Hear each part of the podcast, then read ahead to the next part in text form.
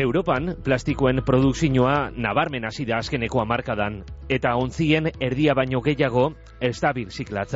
Euskal Herrian be, supermerkadu batera joaterakoan, oso gatza izaten da plastikorik bako zeo zer erostea, edozin produktutan plastikoa topau geinkelako. Kantauri txasuan dagozan peletek plastikoaren mugarik bako kontsumoa fokoen aurrera ekarri dabe eta Greenpeaceek neurriak eskatu deutzoz Espainiako gobernuari. Greenpeaceko Euskal Herriko bozeroalea Lorea Flores dugu eta kegoaz daukagu telefonoaren beste kaldean. Lorea, egunon? Egunon, zure Azteko eta bat, e, Greenpeaceen eretxian Portugalgo samauntziaren peleten isurketak zer suposatzen dau? Bueno, ez eh, honek e, ba, eragin handia ez, sortzen dugu ingurumenean ez, erra, erran zen bezala, bueno, badira bueno, kontainer oso bat erori zen, olako milaka zaku zituenak, ez, zaku bakoitzak ustut hogeita kilo, eta hori dena orain e, itxasoan barreiatura dago, orain bueno, Galiziara iritsi da, eta hasi omen da Asturiasera, eta Kantabriara iristen ez, kontua da, e, ba, duten ezaugarrin gati, ba, agit zaila dela hauek biltza ez, adibidez,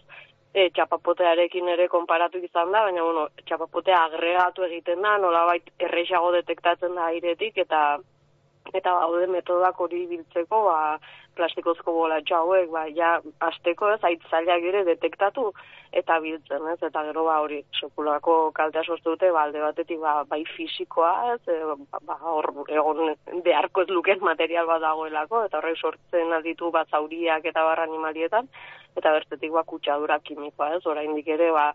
ba, ez dela guztiz ezaguna zer eragin eh, sortzen dituzten, baina, bueno, hasi gara ez, datuak izaten, manola, bai, bai, bueno, izaki bizunez berdinen e, osasunean eragin dezakete. Greenpeaceek sareratutako bideo baten bitartez, kontzientzia zino bideo baten bitartez, e, neska bat ikusten da, andrasko bat ikusten da, esanaz, e, berak kontzientzia daukala, gerotak plastiko gehiago kontsumi duten dela, ikusten dauela eta eta onartzen dauela, baina supermerkadu batera sartzerakoan frustrazioa besterik ez dauela igerten. Olako pertsona asko dago sala uste dozu lorea? Bai, nik uste dut plastikoekin uh, lortu dela, nola bait, edo, bueno, ez dakit, gehien nabaritzen dago sortu den konzientziazioa gizartearen ganez, eta, bueno, ba, gero aparte ere, ba, nola baiteko neurri e, batzuk ez arriera, ez hori ez, plastikozko poltsadetxoa kobratzen hasi dira, eta hola, eta horroan ikustut horrek bai sortu duela kontzientzia bat, eta jende gero eta gehiago ba, edo saiatzen erreziklatzen, edo hori ba, etxetik ez, eramaten bera jentelazko poltsak eta barrerosteko, saiatzen e, bakraneldean dauden osagaiak erosten, baina, bueno, ez, gero hori da, realitateak erakusten digu, ba, kontzientzia handia behar dela, eta hala ere, e, agit zaila dela plastikoa plastikoan bilduta ez dagoen zerbait e, erostea, ez? Berez badaude lege batzuk, orain ez badidez e, osagai batu ba, barazkiak eta eta frutak ba, e, batez ere ba, kilo erditik berako ba, paketetan saltzen badira, ba, hoiek ezin direla plastikoetan bildutan joan, baina gero bueno, re, realitateak, realitateak dio legea hor dagoela, eragin horre izan daitekela, baina gero benetan ba, supermerkatuetan oraindik ez dela ba, fin-fin aplikatzen, ez? Orduan, ba hori, zaila da? Mm -hmm. Kontzientzia izan ere, ba, ba ongi egitea gauza. Hori galdetu behar notzun, Lorea, e, zuek Greenpeaceen dekozu esan datuetatik e, zer dakizu edo, datu horretan oinarrituta zer, zer dakizue supermerkaduak modu orokorrean badabilz, e, ondakinen lege hori beteten, ala bakan batzuk baino ez dabiz e, legeari jaramon egiten? Ba, hori, ba, haude batzuk bertzeak baino hobe egiten ari direna, baina orokorrean oraindik segitzen dugu ikusten nola, ba, hori, kilo erdi azpitik dauden, ba, fruta eta barazkiak, e,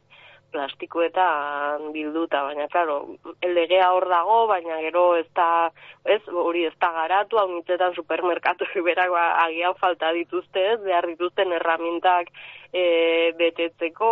e, bueno, aragua betetzeko, eta e, ez da, ez da guk nahi bezain fin betetzen ari. Lorea eta eta izenik badakizue, bat be, entzuleak, erosleak jakiteko, ba, ia, ze supermerkadutan da bizan ondoen legea beteten, ez dakite, eroskin merkadonan, BM, alkanpon, eh, batzutan ondo da bizan beste batzuei gehiago kostetan jaken?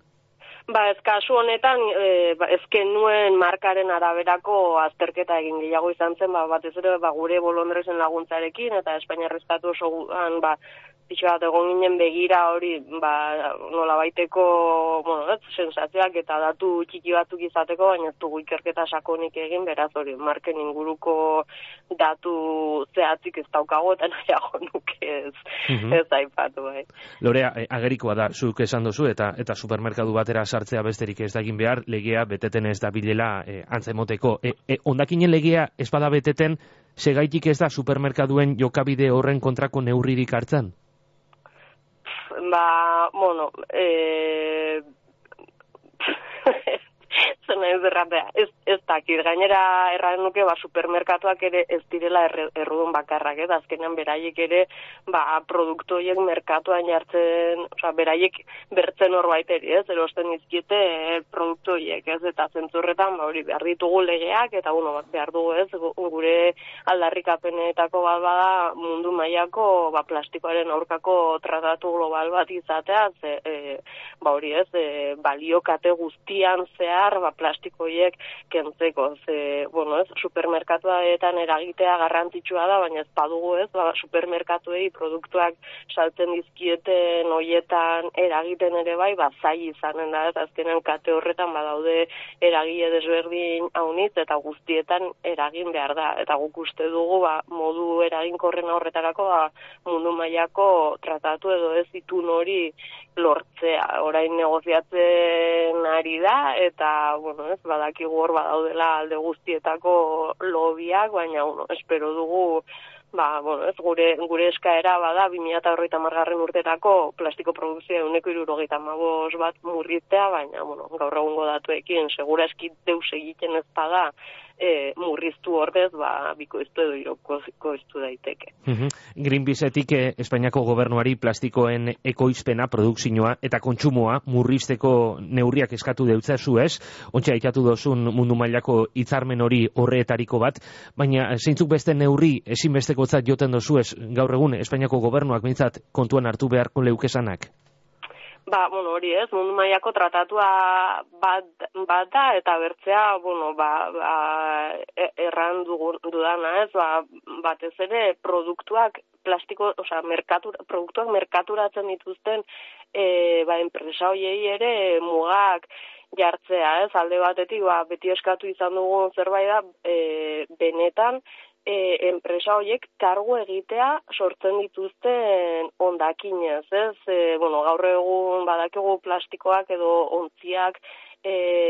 estatu mailan kudeatzen dituen e, enpresa edo, bueno, ez? E, organismoa ekoen bez dela, suposatzen da horren bidez e, saiatzen direla ba baiteko e, e, kudeaketa egoki bat egiten eta eta